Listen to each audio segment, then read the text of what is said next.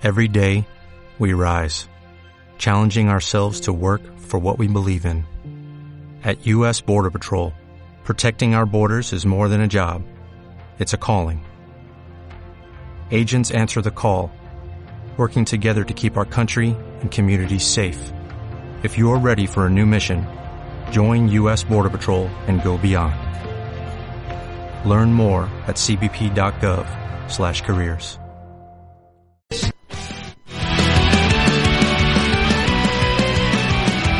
Benvinguts a Ràdio Xarxa Ebre, la que us connecta amb les reivindicacions socials de les Terres de l'Ebre.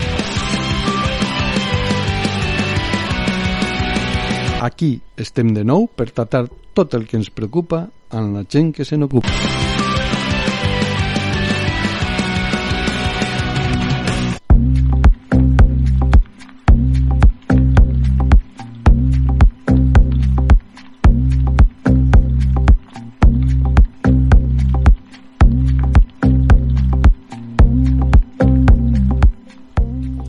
Dia, bona hora, bona gent. Avui comencem el tema del mes de maig. I de què parlarem? De què parlarem en els tres programes eh, que encetem avui? Pues parlarem d'alternatives a la concentració d'energia.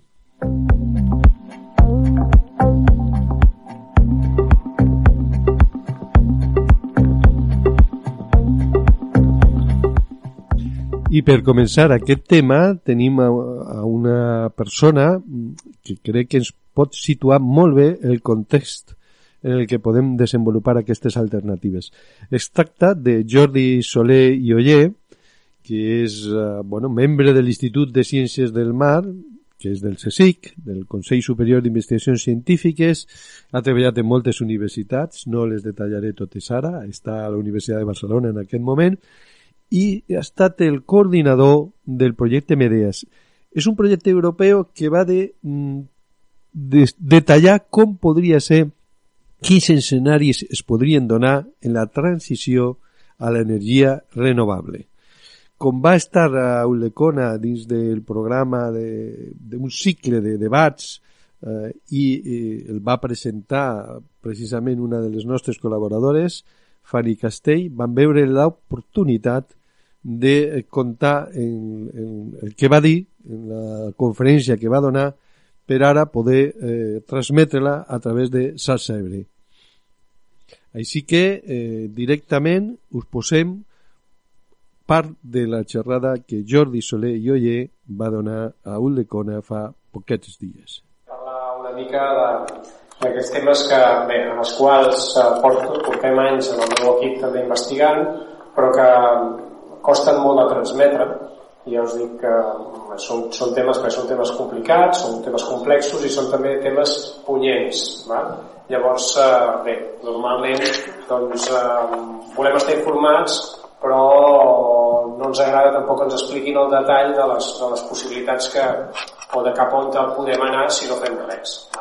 Llavors, eh, trobo molt adient el títol que m'han proposat, que és el de les crisis. Eh, entronco una mica amb el fet del llibre que ja fa uns anys van publicar i en la xerrada que us faré és presentar-vos bàsicament tres, tres grans blocs. Val? Un primer de posar-vos, fer-vos cinc cèntims només de quina és la, la, la situació actual eh, pel que fa a diferents aspectes però que es poden resumir en tres bàsicament energia eh, ecologia, medi ambient i clima val? Eh, després anar a una altra part de dir bé, què és el que hi ha sobre la taula a nivell de política internacional val? és a dir, quines solucions proposa el sistema actual Eh, després, emmarcar-ho això dintre de Catalunya, jo no conec molt bé Ulldecona i per tant no m'he volgut arriscar a fer coses que a dir coses que segurament vosaltres coneixeu molt millor, per tant parlaré més amb una, amb una perspectiva més àmplia de país, de Catalunya. Val. I després posaré alguns, uh, faré algunes conclusions. Val. Tot això una mica a vista d'ocell perquè també donar quatre pinzellades i després mm, mm amic, com també hem proposat aquí, prefereixo que en el debat comencin a sortir més, més qüestions que us preocupin en particular. Val? Uh, intento fugir una mica, soc profe d'universitat de la classe magistral, val? perquè com que ja en dono moltes ens tinc molt cansat i per tant quan dono, quan dono xerrades prefereixo que sigui més interactiu. No? Molt bé, doncs anem al primer punt. Eh, emergència climàtica. Val? No cal dir moltes coses, bàsicament punts, alguns punts principals seria, eh, sabeu que Nacions Unides té un organisme que ara ha fet precisament un dels informes que s'han publicitat relativament, val? no prou perquè haurien de sortir cada dia al telenotícies i no hi surten, val? però que posen en alerta, sobretot els dos primers informes que van sortir a l'agost de l'any passat i a, a finals d'any després de... Eh, bueno, van sortir ara eh, també principi, entre finals i principis d'aquest any i ara ha sortit l'últim informe doncs els dos primers informes ens alerten de moltes qüestions que pensàvem els científics, la comunitat científica i del clima, pensàvem que serien es donarien més lentament i uh, més lluny en el temps i el que estem veient cada cop més és que es donen més ràpidament i més a prop en el temps. Llavors, el clima moltes vegades fa 10-15 anys, quan començava a ficar-me en aquestes coses, eh, bueno, això nosaltres ja no ho veurem. Doncs la bona notícia, i dic bona notícia, és que sí que ho veurem. Va? Llavors, bueno, parlar, hi ha molts aspectes, doncs es parla de danys amb els ecosistemes, el que se coneixen com a ecosistemes sensibles o singulars, eh, fenòmens climàtics extrems, inundacions, sequeres, etc. Eh, també qüestions eh, pel que afecta a la part, diguem-ne, d'impactes que estan distribuïts irregularment, és això que diuen, per exemple, no sé si recordeu alguna frase que algun polític espanyol i algun de rus va dir que bé, el canvi climàtic l'afavoriria perquè podria plantar eh, fruiters a Sibèria no? llavors, quan lluny està aquesta visió del que en realitat eh, està passant no? eh, llavors una de les qüestions importants d'això és que el canvi climàtic i ja tothom, la comunitat científica amb 99,9% està d'acord en què és d'efecte que el que usem els humans va? està basat en les, en, bàsicament amb els gasos que es produeixen per la crema de combustible fòssil. Petroli, gas natural, carbó. Per tant s'ha de reduir això. Però tenim un problema. El problema és que depenem gairebé amb un percentatge molt alt de precisament cremar aquests combustibles fòssils i llavors tenim eh, un, un problema greu ah? um, per posar només en context el que estem parlant això d'aquí és un, us ensenyo aquí una figura que és un, és un gràfic de el que serien les concentracions d'aquest gas d'efecte hivernacle que és el CO2 um, i en, la, en els últims 45.000 anys val? A la part en blau són registres eh, que s'obtenen per mètodes indirectes val? i són de la part de l'última glaciació. La part en vermell és la part del de, període interglacial que es coneix geològicament com l'Holocè, que és la, la part diguem-ne dels últims 10-12.000 anys. Val? I la corba verda i sobretot la vermella, sobretot la vermella són registres actuals. Fixeu-vos Uh, quina concentració tenim i això ja està desfassat perquè això, uh, aquesta gràfica és de fa uns uh, 10-15 anys val? Uh, uh, perquè ja hem passat dels 360 hem arribat als 400 parts per milió val? això què vol dir? això ens indica la magnitud de la tragèdia del que estem fent estem introduint un gas no només amb unes proporcions que no hi havien abans de l'època industrial sinó amb un ritme que és molt més gran de qualsevol dels cicles naturals val? I per, per veure una mica la magnitud del que estem fent. I ara el que us vull ensenyar una mica també és com aquestes emissions estan desgranades en les diferents àrees del món. Val? Aquí teniu, això és d'un informe que va sortir a l'any 2019, fa un parell, bueno, 3 anys, val?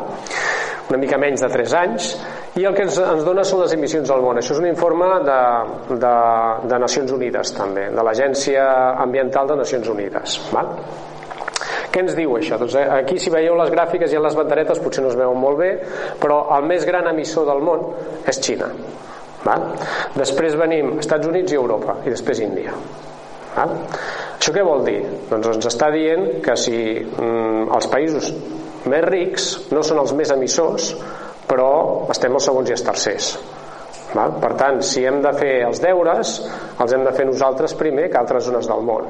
Val? Això primera qüestió. Però és que més hi ha les línies, aquestes puntejades amb una ombra, això el que ens està dient és les emissions que no fem directament, sinó que imputem altres zones, però que ens en beneficiem nosaltres. Per exemple, Xina és la fàbrica del món. Xina emet quan fabrica allà, val? però després comprem nosaltres i utilitzem nosaltres. Val? Això és l'ombra que queda per sota. Val? Això és en, en termes generals, però la gràfica de la dreta són les emissions per càpita. Val? És a dir, aquestes emissions globals, si les dividim pel nombre de persones d'aquesta zona, A, què tenim? Tenim que Estats Units està el primer i els europeus estem els segons. Val? Això què vol dir? Doncs que quan estem dient que les COPs, aquestes, sabeu, les COPs de Glasgow, la COP26, etc, fracassa, doncs clar, és que, que els hi estem demanant als indis que els estem demanant als indis quan nosaltres som els que, els que estem precisament creant un problema i que l'hem creat portem, fixeu-vos, això és de, des del 1992 fixeu-vos què passa en Xina i què passa en Índia abans dels anys 2000 Val? hem d'assumir aquestes qüestions perquè després quan, quan ens diuen doncs, això que afecta que ens, que ens ha d'afectar i que s'han de posar diners sobre la taula i que hem d'ajudar el tercer món, val? els països en desenvolupament, aquí hi ha unes bones raons. Val? I també hi ha bones raons per d'altres coses que ja podem comentar més, eh, després més en detall, com per exemple doncs, eh, la globalització desmesurada, el consumisme desmesurat i l'usar i llençar desmesurat. Va? Això són projeccions, és a dir, se posen dintre un programa d'ordinador les dades que tenim de com va funcionant les variables climàtiques, les variables físiques i veiem què és el que passa en el futur. Doncs bé, aquí tenim eh, les variacions en la precipitació. Estem en, una àrea, precisament, al sud de Catalunya, que, és, eh, bueno, que depèn molt de la precipitació. Val? Eh, Fixeu-vos que en la part de la dreta, la zona més marrón, és canvi en la precipitació de més de, és a dir, descens de la precipitació de més d'un 30%. Val? Tota l'àrea mediterrània. Val? Això, els, això és un escenari en concret que és un dels, dels uh, més extrems de, de, de les projeccions que hi han i això no és d'aquest informe, això és de l'informe anterior val? però és que l'informe actual encara és, si voleu, més eh, com ho diríem, no més pessimista perquè no és així, perquè la ciència no és pessimista optimista, sinó que és eh, més contundent en els resultats va? però fixeu-vos que un dels escenaris més benèvols, que és el que se coneix com a 2.6, ja tenim canvis importants. Fixeu-vos que hi ha una, uns tons marrons precisament a la zona mediterrània. També. Això també vol dir canvis importants en precipitació. D'acord? Llavors, bé, això què vol dir? Doncs vol dir que la pagesia, tal com l'entenem actualment, en aquestes zones mediterrànies, doncs patirà moltíssim. Val? precisament per qüestions de canvis en els patrons atmosfèrics, canvis en els patrons de precipitació. I això que és d'un informe de, fixeu-vos aquí això és de, de, de l'informe de l'AR5 però actualment i amb els últims estudis i amb els articles que van sortint últimament eh, es, es veuen qüestions encara més, més preocupants val? Hem de fer un aclariment per l'audiència, com això és una gravació d'una xerrada i va utilitzar una presentació, potser alguns dels que esteu escoltant penseu, però està diguent coses que jo no puc veure, per tant no puc interpretar. Bé, Jordi m'ha donat moltes explicacions de paraula que permeten seguir eh, la, seva, la seva explicació. Però de totes maneres us volíem eh, dir que si us interessa tindre les, les gràfiques de les que ell parla, nosaltres contem en la presentació en PowerPoint que ell va fer servir, perquè ens la va deixar, i només hauríeu de, de posar-nos un missatget al, al telèfon del programa, al 698 39 30 63, 698 39 30 63 i us la faríem arribar. D'acord? Llavors, bé, això què vol dir? Doncs vol dir que la pagesia, tal com l'entenem actualment, en aquestes zones mediterrànies, doncs patirà moltíssim. Val? Precisament per qüestions de canvis en els patrons atmosfèrics, canvis en els patrons de precipitació. I això que és d'un informe de, fixeu-vos aquí, això és de, de, de l'informe de l'AR5, però actualment i amb els últims estudis i amb els articles que van sortint últimament eh, es, es veuen qüestions encara més, més preocupants. Val? Això d'aquí seria el mateix, les projeccions de la precipitació, això és d'un informe de l'any 2019 i tenim també doncs, patrons bastant similars, aquí anem molt més al detall, val? però fixeu-vos que la, el canvi en la precipitació per, per dos escenaris, un més benèvol i l'altre eh, més, eh, més extrem, eh, afecta a tota la península ibèrica. Val? I això què vol dir? Doncs que si hi ha canvis en la precipitació eh, hi haurà més desertificació amb tot el que això comporta. Val? Molt bé, això pel que fa a clima. Val? I és només un exemple, és molt més complex, hi ha més, més, més variables a tenir en compte, però només per, per no entretindre'm molt amb això. Anem a la part més de, de del que podríem dir de medi ambient o d'ecologia. Eh, hi ha numerosa literatura sobre això, ja l'any 2012 ja va sortir una publicació, surten publicacions de, que se'n diuen de revisió, en la qual s'agafen tot el que ja ha fet fins a aquell moment i es treuen conclusions d'això. Doncs bé, en aquest article eh, ja el 2012 ens deien que el 2045 depèn de si no fèiem algunes mesures decidides amb una direcció de, de desviar-nos del que les tendències passades ens estaven dient doncs tan aviat com el 2045 els ecosistemes del planeta col·lapsarien tots Val? Això era el 2012.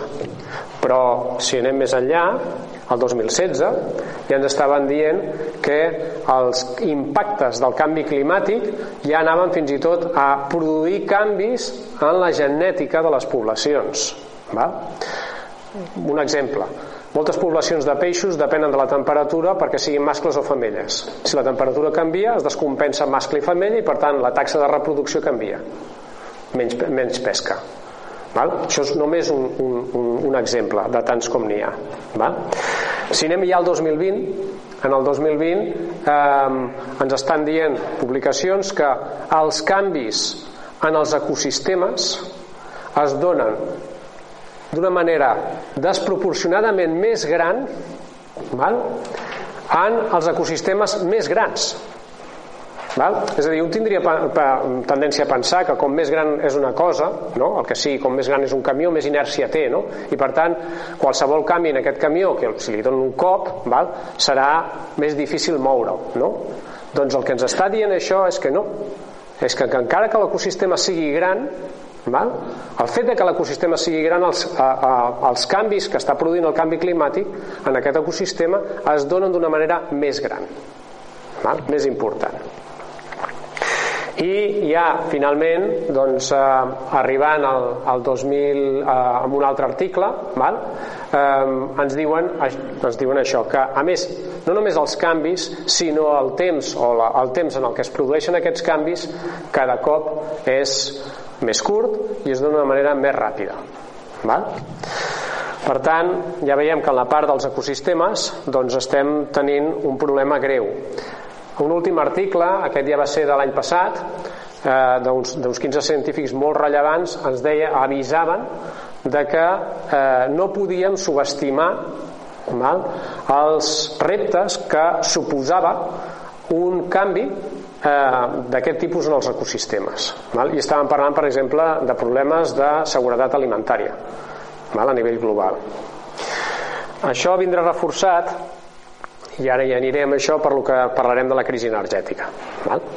Uh, bé, aquí un petit resum és a dir, el que tenim, les conseqüències d'això doncs bàsicament impossibilitat de reduir la fam al món és a dir, tenim un sistema això és una dada, no és cap opinió és una dada, tenim un sistema alimentari mundial alimentació industrial que eh, produeix eh, un, un, una quantitat de menjar d'aquesta quantitat resulta que no serveix per, perquè hi hagi gent que no es mori de gana però resulta que llancem un terç d'aquest menjar val? aquí estan les contradiccions val?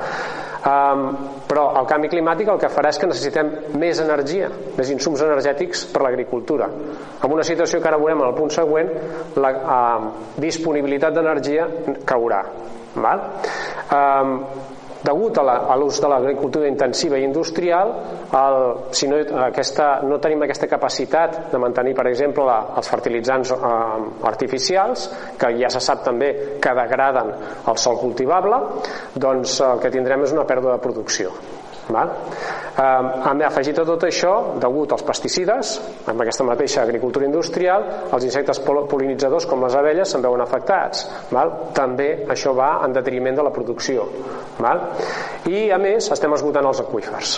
O sigui, tenim una tempesta perfecta, val? però encara no l'hem descrit del tot. Falten els tornados. Val? Uh, I el que es diuen, per exemple, una publicació de, de, de fa dos anys, el que ens deia és que eh, se requerirà un increment de la producció de menjar i energia en un 60% i requeriment també d'insum, és a dir, utilització d'aigua en un 20% degut al canvi climàtic. Val? És a dir, com que les condicions canviaran, amb una agricultura industrial necessitarem més energia i més aigua. Val?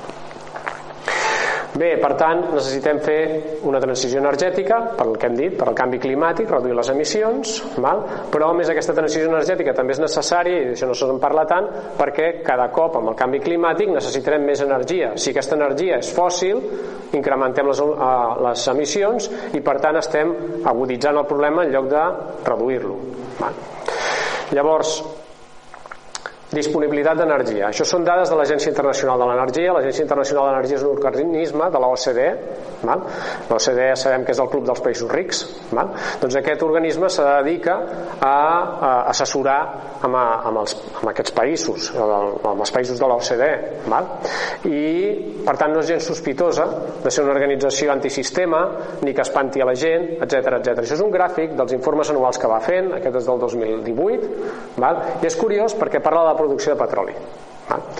I ens diu que deia en aquest informe que si no hi ha més inversió de les companyies petrolieres en prospecció i desenvolupament de nous pous, la producció cauria fins ara estem sobre uns 100 milions de barrils diaris cauria fins, 40, eh, fins de la ratlla d'uns 20 milions de, de barrils diaris al 2040 el 2040, estem al 2022 val? però fixeu-vos que el que estava dient cap al 2020-2022 val? 2025 estàvem sobre un 60 val?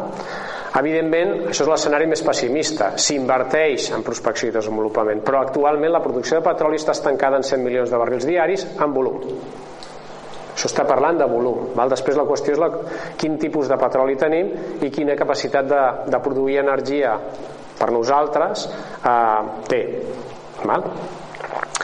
Aquí seria el mateix, però per, per el mateix que l'altra gràfica, però en aquest cas, això és un informe ja del 2020, eh, en els diferents combustibles fòssils que tenim. I aquí ho, ho, ho desglossen dos escenaris. Un escenari que seria fer com, com hem fet fins, fins, fins ara i l'altre, suposant a l'SDS, són unes polítiques de desenvolupament sostenible. Què vol dir això? Doncs que hi ha una transició energètica i per tant es redueix l'ús de combustible fòssil. D'acord? Però fixeu-vos que encara que reduïm l'ús de combustible fòssil no es va al 2040 amb una reducció molt gran. Val? Llavors la pregunta és, però si eh, Nacions Unides ens està dient que hem de... O sigui, aquí estaríem a, do, a, a 10 anys del 2050, que és quan, per exemple, la, la Unió Europea diu que hi ha d'haver emissions. Val? Llavors, jo ho deixo aquí, només per veure les possibles contradiccions. És divertit també veure què passa per àrees. Fixeu-vos que tant als Estats Units com la Unió Europea, aquest gràfic el que ens està dient és la producció i el consum. Val? Ens està dient l'Agència Internacional de l'Energia que cap eh, amb, per fer diguem, a l'any 2030 eh, tant els Estats Units com Europa val, deixaran de, això d'aquí és eh, el que seria el, el consum. És a dir, deixaran de consumir fixeu-vos, les barres de baix, les més fosques el marrón, el, el vermell i el, i el carbassa són combustible fòssil, el verd és, eh, serien renovables, ens està dient que el 2030 farem la, la, la transició renovable i que deixarem de consumir combustible fòssil, però fixeu-vos que què passa amb Índia, Àfrica, eh, Xina, etc.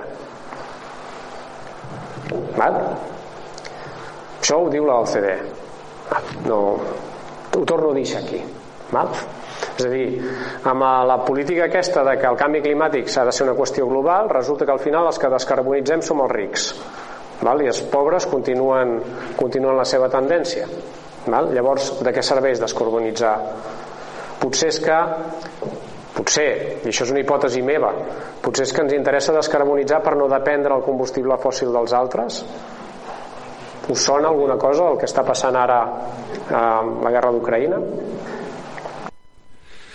Pues sí, el que està passant ara a la guerra d'Ucraïna es posa molt Jordi en la situació actual, ens explica que, que realment moltes coses que se presenten d'una determinada manera en el fons són guerres pels recursos com ja, ja va passar la guerra d'Iraq i, i en, tantes, en tantes altres eh, per suggeriment d'un col·laborador eh, posarem el, el PowerPoint ho penjarem també a les nostres xarxes mm, si voleu demanar-lo com he dit abans per telèfon cap problema però també el tindreu ahí perquè sigui més fàcil descarregar-se'l i poder seguir diguem-me tot el que està diguent eh, Jordi en la seva, en la seva xerrada Jordi es va dir també està, i ho té escrit en el seu blog que fora del sistema socioeconòmic actual alguns pensen que no més n'hi ha que barbàrie, caos i destrucció. Clar, esta és una idea que frena molta gent, no? que s'atemorís pensant en que pugui, bueno, que sigui un salt al buit, com diríem, fer els canvis que en realitat eh, hem d'acabar fent, perquè si no encara serà pitjor. I, i aquí a mi m'agrada, aquí crec que el català ens ajuda. El català ens ajuda perquè això que s'anomena sentit comú, al final és una cosa bastant mediatitzada i el sentit comú és el que porta a pensar això, que fora de, de si hi ha un canvi radical en certes qüestions del sistema socioeconòmic actual pues vindrà caos i destrucció. I dic que el català ens ajuda perquè en català tenim una altra paraula que no, eh, no significa exactament el mateix encara que de vegades se confundica que és el seny. I jo crec que ara tenir seny precisament en tota la informació que ens està donant aquesta gent que entén va en contra d'aquest sentit comú que diu que, que si canviem eh, les condicions del sistema socioeconòmic entrarem en caos i destrucció, perquè el que sembla és al contrari, que si continuem és quan vindrà el caos i la destrucció i això és de lo que ens adverteixen cal un canvi cultural important mm. perquè aquest sentit comú adapte, s'adapta a esta nova realitat i a esta nova informació que els científics ja fa temps que s'intenten arribar, no Juan Carlos? És, cal sentit comú i cal també que les administracions ajuden a, a, a, a sentit comú ben, ben entès, com tu has dit, però que les administracions una mica ajuden a, a fer el canvi tranquil que ja no serà tan tranquil perquè el canvi tranquil potser l'haguéssim degut fer als anys 80 del segle passat ja o als anys 90 però ni, ni se'n parlava. Van fer allò del xut eh, al futbol allò que es fa de xuta i a veure em fa la cap la pilota i van fer això amb el petroli. fora, tirar Sabi pilotes fora. Sí, sabíem que, la, que el petroli s'estava acabant s'estava esgotant però van fer allò de tira, a veure si entrem afonem una miqueta més, ne traurem uns quants milions de barrils més i tirem per avant uns eh, 20 o 30 anys. És com aquella pel·lícula agafa els diners i corre. Esta és la filosofia del sistema econòmic. És mirar fer, molt a curt, a curt termini. I a fer que les petroleres ho han fet, eh, lo d'agafar els diners i córrer. Sí, sí. A part de contaminar no sé quants llocs el camí sí, van deixant en, una reguera sí, en petrolers que, que funcionen en petrolers en bandera de qualsevol país i deixant rastres de petroli i contaminació per tots els llocs però més que res la, la idea seria encara ara poder fer un canvi tranquil, suau a una altra, a una altra manera de, de, de funcionar. Mm, passa que qui, qui, qui, qui maneja els diners probablement no, no vol soltar la mosca o sigui, no vol soltar la, la, la, les regnes del, del sistema i diguem, si mos ho, posa, si ho fàcil podríem fer-ho. Però és que no sé si estan encara no sé si estan per la labor.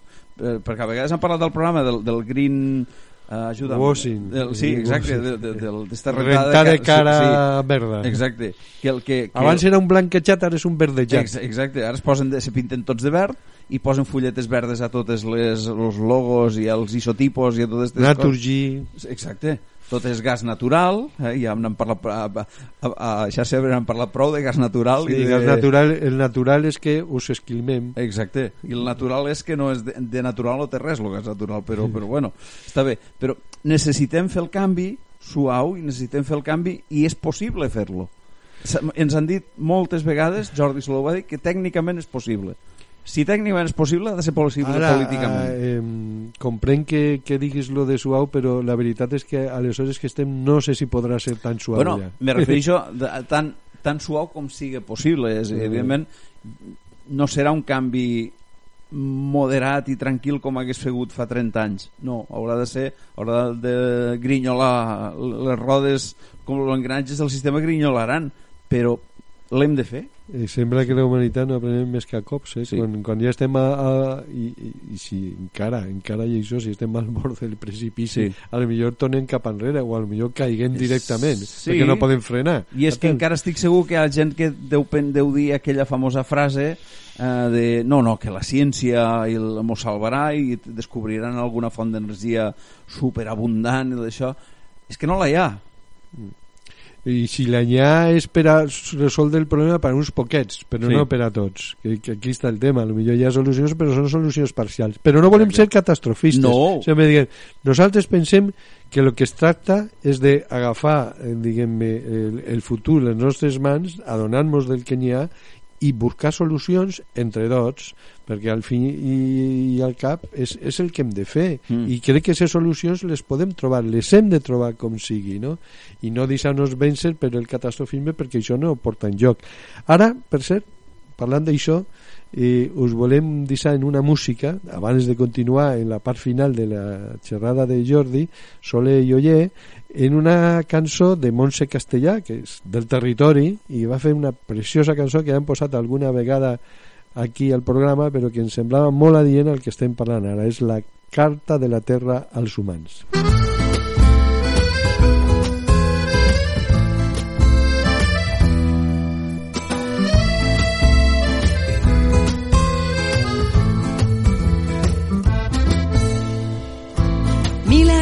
que sóc aquí, recordo quan vau arribar. Havíeu de conviure amb mi, compartir este. Però en nom del progrés, los arbres van caent en un concepte mal entès que destrossa el medi ambient.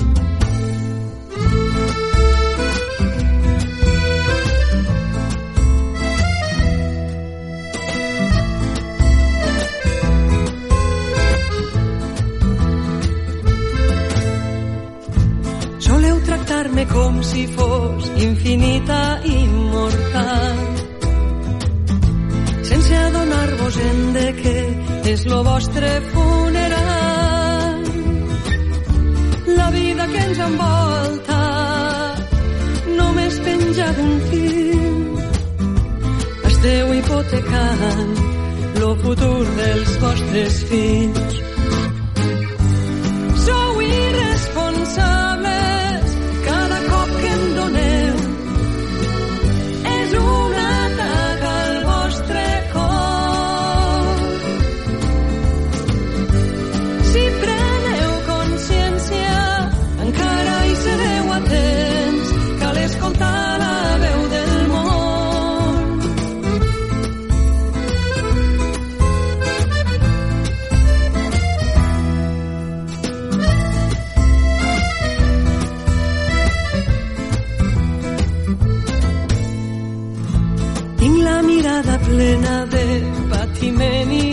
aire brut.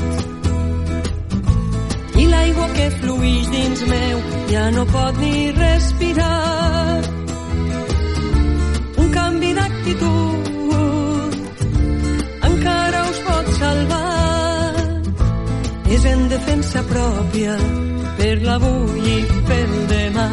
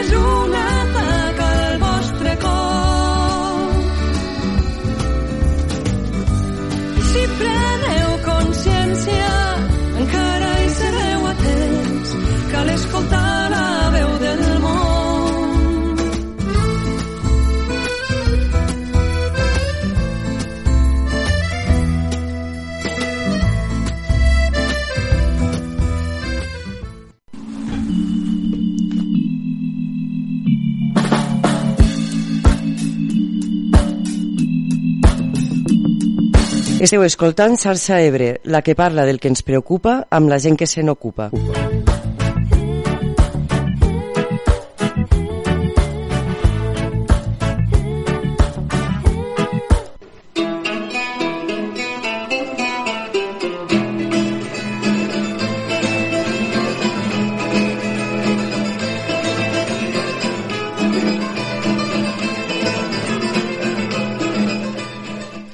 Reprenem la segona part de la xerrada, de la interessant xerrada de Jordi Soler i Oller i després la comentem. Molt bé. Um, un últim apunt sobre això, perquè això també se'n parla molt, transició renovable, etc. L'Agència Internacional de l'Energia ja apunta que per fer aquesta transició renovable s'ha d'invertir en el manteniment i la millora de la xarxa elèctrica. Val? No té sentit implementar molta renovable, que és el que ha fet Alemanya, val? i no fer canvis importants en la xarxa elèctrica perquè llavors correm riscos d'apagades, de, de, de problemes en la gestió de la xarxa elèctrica. Val? I això ho diu l'Agència Internacional de l'Energia, que seria la línia aquesta, on posa grits, que és xarxa en anglès, val? la xarxa elèctrica, la inversió en xarxa elèctrica ha de, ha de créixer Val? I això, si voleu, també en podem parlar, que és el que passa a la península, um, de, respecte a les companyies subministradores i distribuïdores i respecte a la que gestiona la, el que gestiona la xarxa elèctrica, és Red Elèctrica Espanyola, i com això se gestiona perquè aquesta inversió en xarxa elèctrica funcioni, val? i què és el que passa. Un apunt al transport eh, van publicar en el projecte Medias precisament dos treballs de, que van fer una perspectiva si era possible un transport a 100% renovable val? a nivell mundial, el primer i a nivell europeu, el segon eh, i el que arribem a les conclusions d'aquest treball i passo ràpidament val?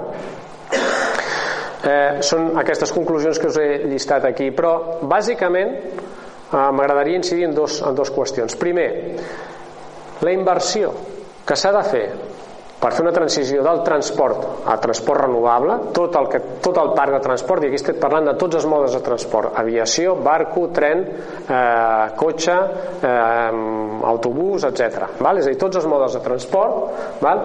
s'hauria de, de fer, i vam estimar, val? és una estimació, sempre subjecte a, a crítiques i comentaris, però s'hauria d'invertir entre el 2,3 i el 2,7% del PIB anual de la Unió Europea per poder fer aquesta transició. Val?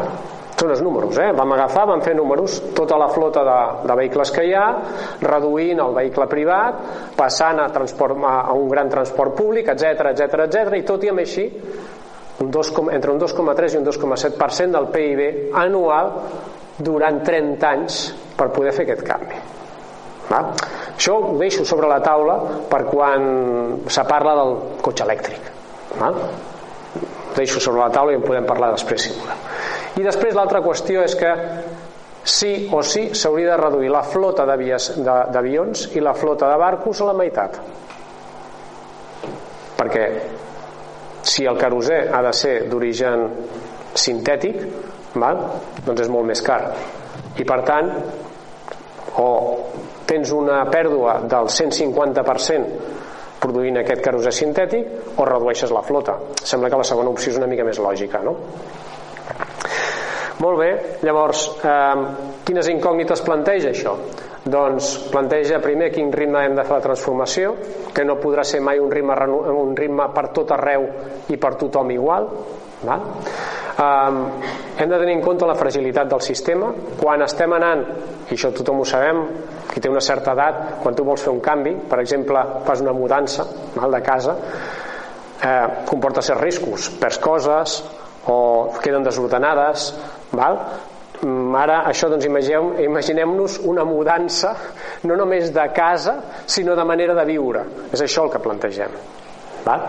Um, i per tant es, es, es, hi ha dos conceptes que són molt útils i que en ecologia s'utilitzen molt que és el concepte de resiliència versus inèrcia ara tenim una inèrcia i el que volem és fer anar amb un sistema més resilient és a dir, un sistema que sigui més um, resistent a pertorbacions i efectes um, inesperats i extrems val? Cal discutir quin model volem, final, on volem arribar, si volem mantenir el, el model actual, a quin cost i per què. val? I, o si volem canviar de model val? i les implicacions que té això val? perquè si, i sobretot cal ser molt transparent si no ens trobarem a que s'apliquen impostos per exemple sobre el combustible com van intentar fer a França i llavors hi ha la revolució de les armilles grogues eh, mm, perquè resulta que no s'entén i no s'explica bé i a més s'aplica malament aquesta pretesa diguem-ne peatge per als combustibles fòssils val? Quan ràpida ha de ser la transició? Doncs bé, aquí hi ha algunes estimacions en la literatura, val? i sobretot eh, no només quan ràpida, sinó quan hi hem de posar la butxaca, que això afecta a tothom. Val? Les estimacions que vam fer amb Ideas era més o menys s'havia de dedicar un 5% del PIB mundial val? a la transició renovable. Un 5% del PIB mundial. Val? Um, hi ha altres autors que diuen un 4%, i a Nacions Unides l'IPCC que és més conservador diu un 2,6% un 2,3 perdó per cent.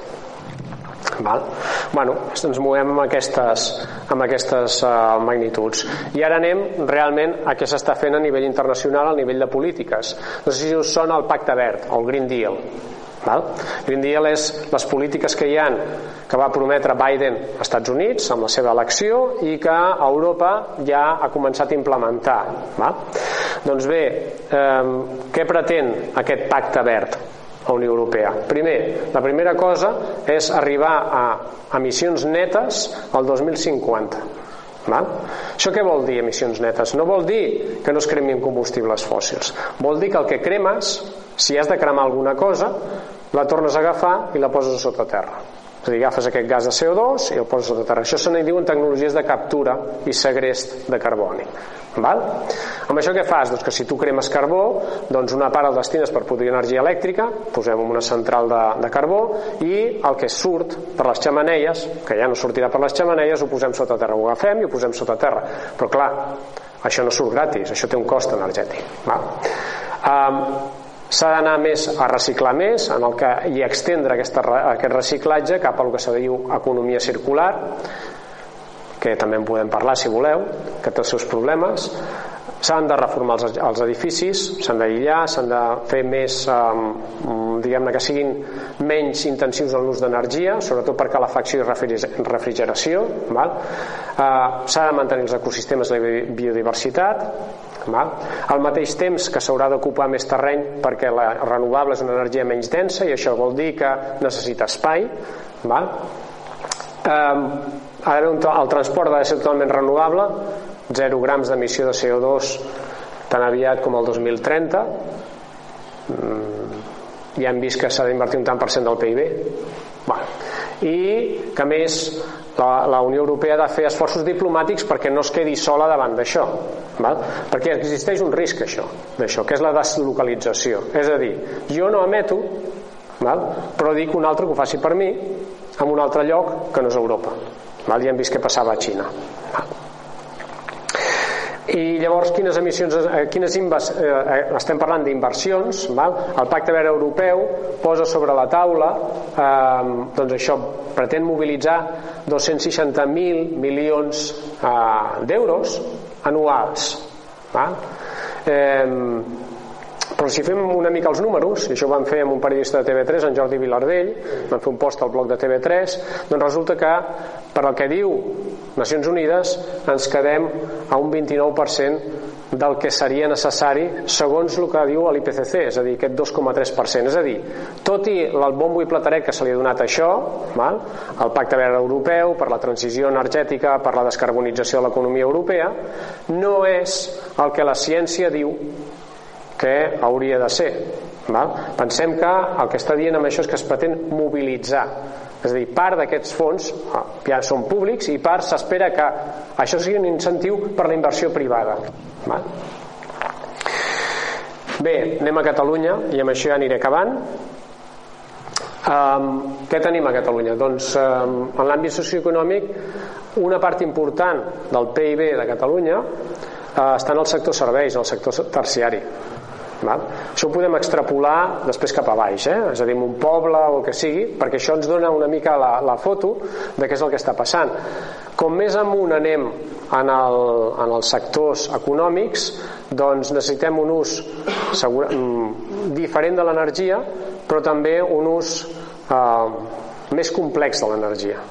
Val? És a dir, per tenir un hotel no és el mateix tenir un hotel que tenir un camp de, de tarongers. Val? Um, a nivell diguem-ne de tot el que ha de moure el tenir un hotel perquè vinguin hostes, turistes, etc que s'allotgin allà, tota la tecnologia que implica això i tota la xarxa de comunicacions que implica que no és el mateix que el sector primari val? la indústria a Catalunya és un 20% val? i el consum energètic és un 45% del transport val? Un 13% del sector residencial i de serveis i un 25% en la part d'indústria. La indústria és molt, molt intensiva en l'ús d'energia. De, Però fixem-nos que una gran part és en la mobilitat. Va? No estic parlant d'emissions, eh? estic parlant d'ús d'energia. Bàsicament aquesta energia més ve de fora. Va? Um, I pel que fa a la part de medi ambient i clima, com som en una àrea mediterrània, l'àrea mediterrània, el clima mediterrani és un clima que es considera suau, val? però a l'hora dels impactes del canvi climàtic és un, és un clima també que es dona a vents d'extrems de, de, sobretot en les èpoques dels, dels equinoxis val? a la tardor i a la primavera i per tant això doncs, farà que el canvi climàtic impactarà fortament amb això com ja he explicat abans i una qüestió que tampoc no he dit abans però és que les estacions aniran canviant. Ara veiem que les estacions es van retardant una mica val? però a poc a poc el que diuen els models és que es aniran desdibuixant cada cop més.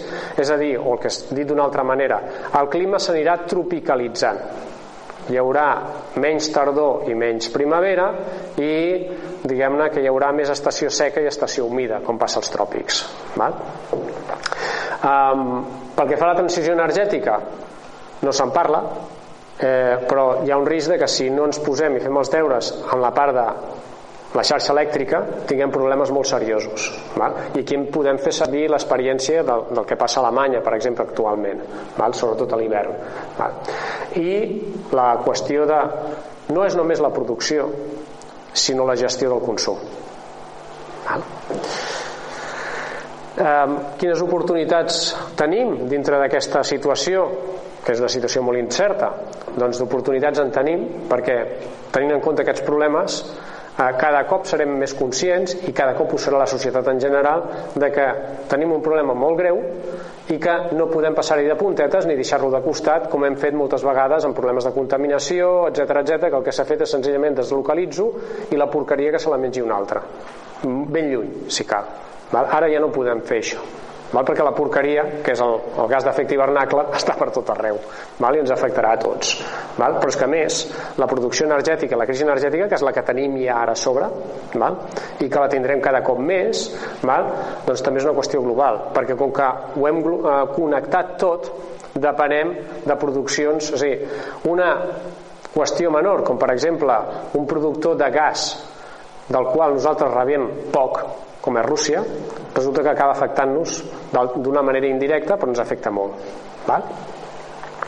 I per tant, necessitem eh, tenir una estratègia de transició energètica, val? però tenint en compte que no tindrem tots els recursos que teníem abans. És a dir, com més tardem a fer la transició energètica, menys recurs fòssil i d'altre tipus tindrem a l'abast. Val? Això moltes vegades les publicacions que es fan sobre transició energètica no ho tenen en compte. Val? I per acabar, doncs, eh, quatre conclusions. Bé, quatre no, sis. Va.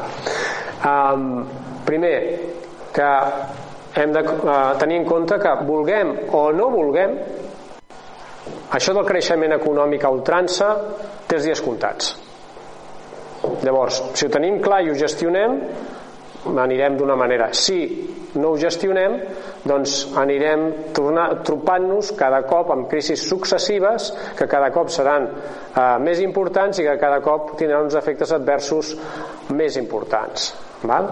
és a dir dit d'una altra manera el decreixement no és negociable val?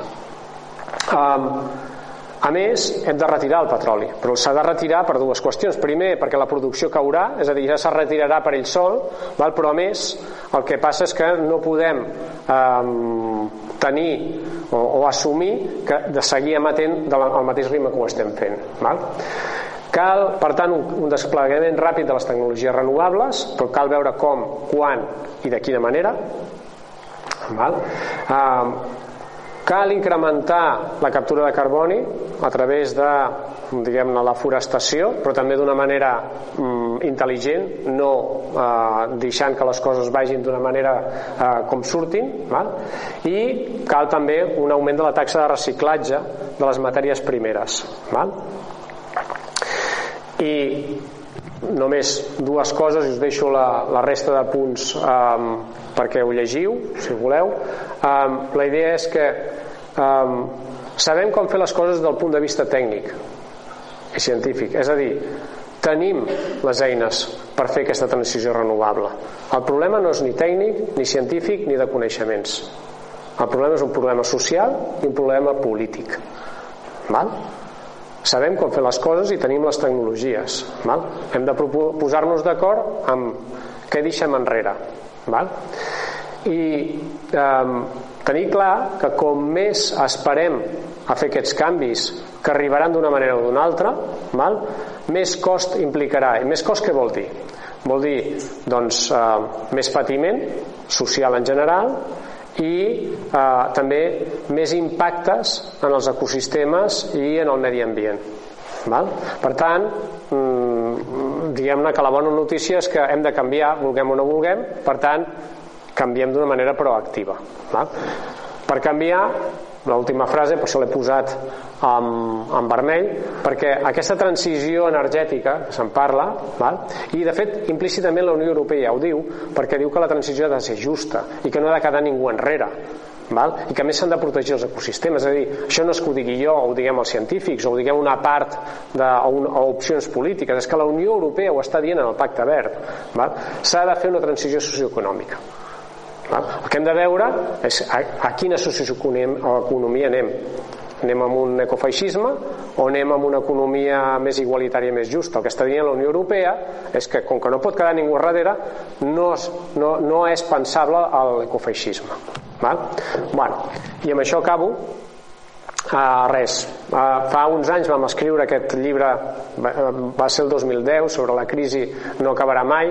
En aquell moment va tenir un cert impacte però resulta que tot el que dèiem en aquell llibre doncs resulta que d'alguna manera mmm, bueno, ara ja veiem que torna una mica i estem entrant en una altra onada per tant, i no hem tornat als nivells que teníem el 2005, per tant, això de que la crisi no s'acabarà mai, doncs en un títol una mica impactant, si voleu, però és que realment la, la cua d'això, és a dir, el, el títol que no vam acabar posant en aquell llibre és La crisi no acabarà mai si seguim fent les coses com les hem fet fins ara. Val? Aquesta seria la frase per complementar el títol.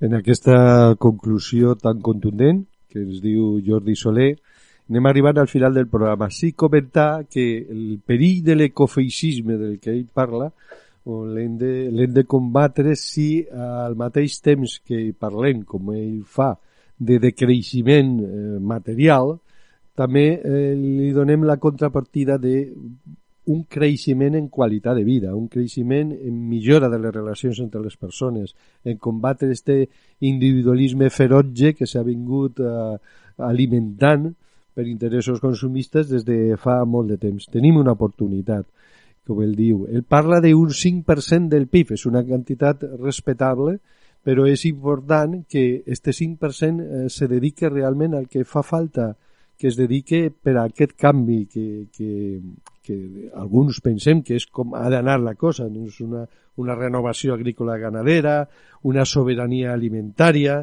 en fi, un canvi social polític que es donarà per la pressió de la gent, perquè si diguem, parlem de, de les administracions, ja sabem, i ho hem dit moltes vegades en el programa, que les administracions funcionen o reaccionen a les pressions que la gent pugui fer. Nosaltres hem de tenir clar quin és el model que volem i quin és el canvi que estem disposats a fer. I només en això us, posem, us deixem ara en una cançó que es diu precisament Civilització de los Piojos i després tornem per a fer el comiat. Hay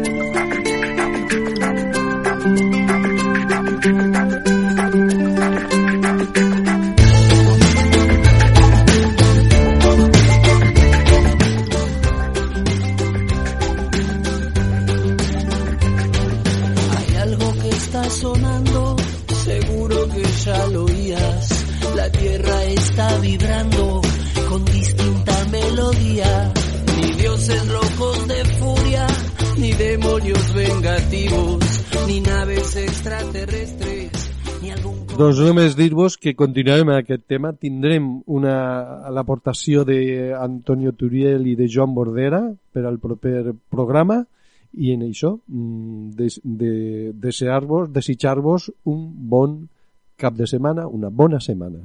Fins, fins proper diumenge.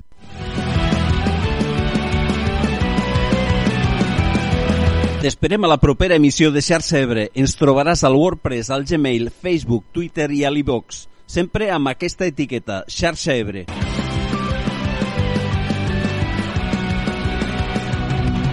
No oblides subscriure't, sabràs les dates i els convidats dels propers programes. Fins aviat, seguim fent xarxa.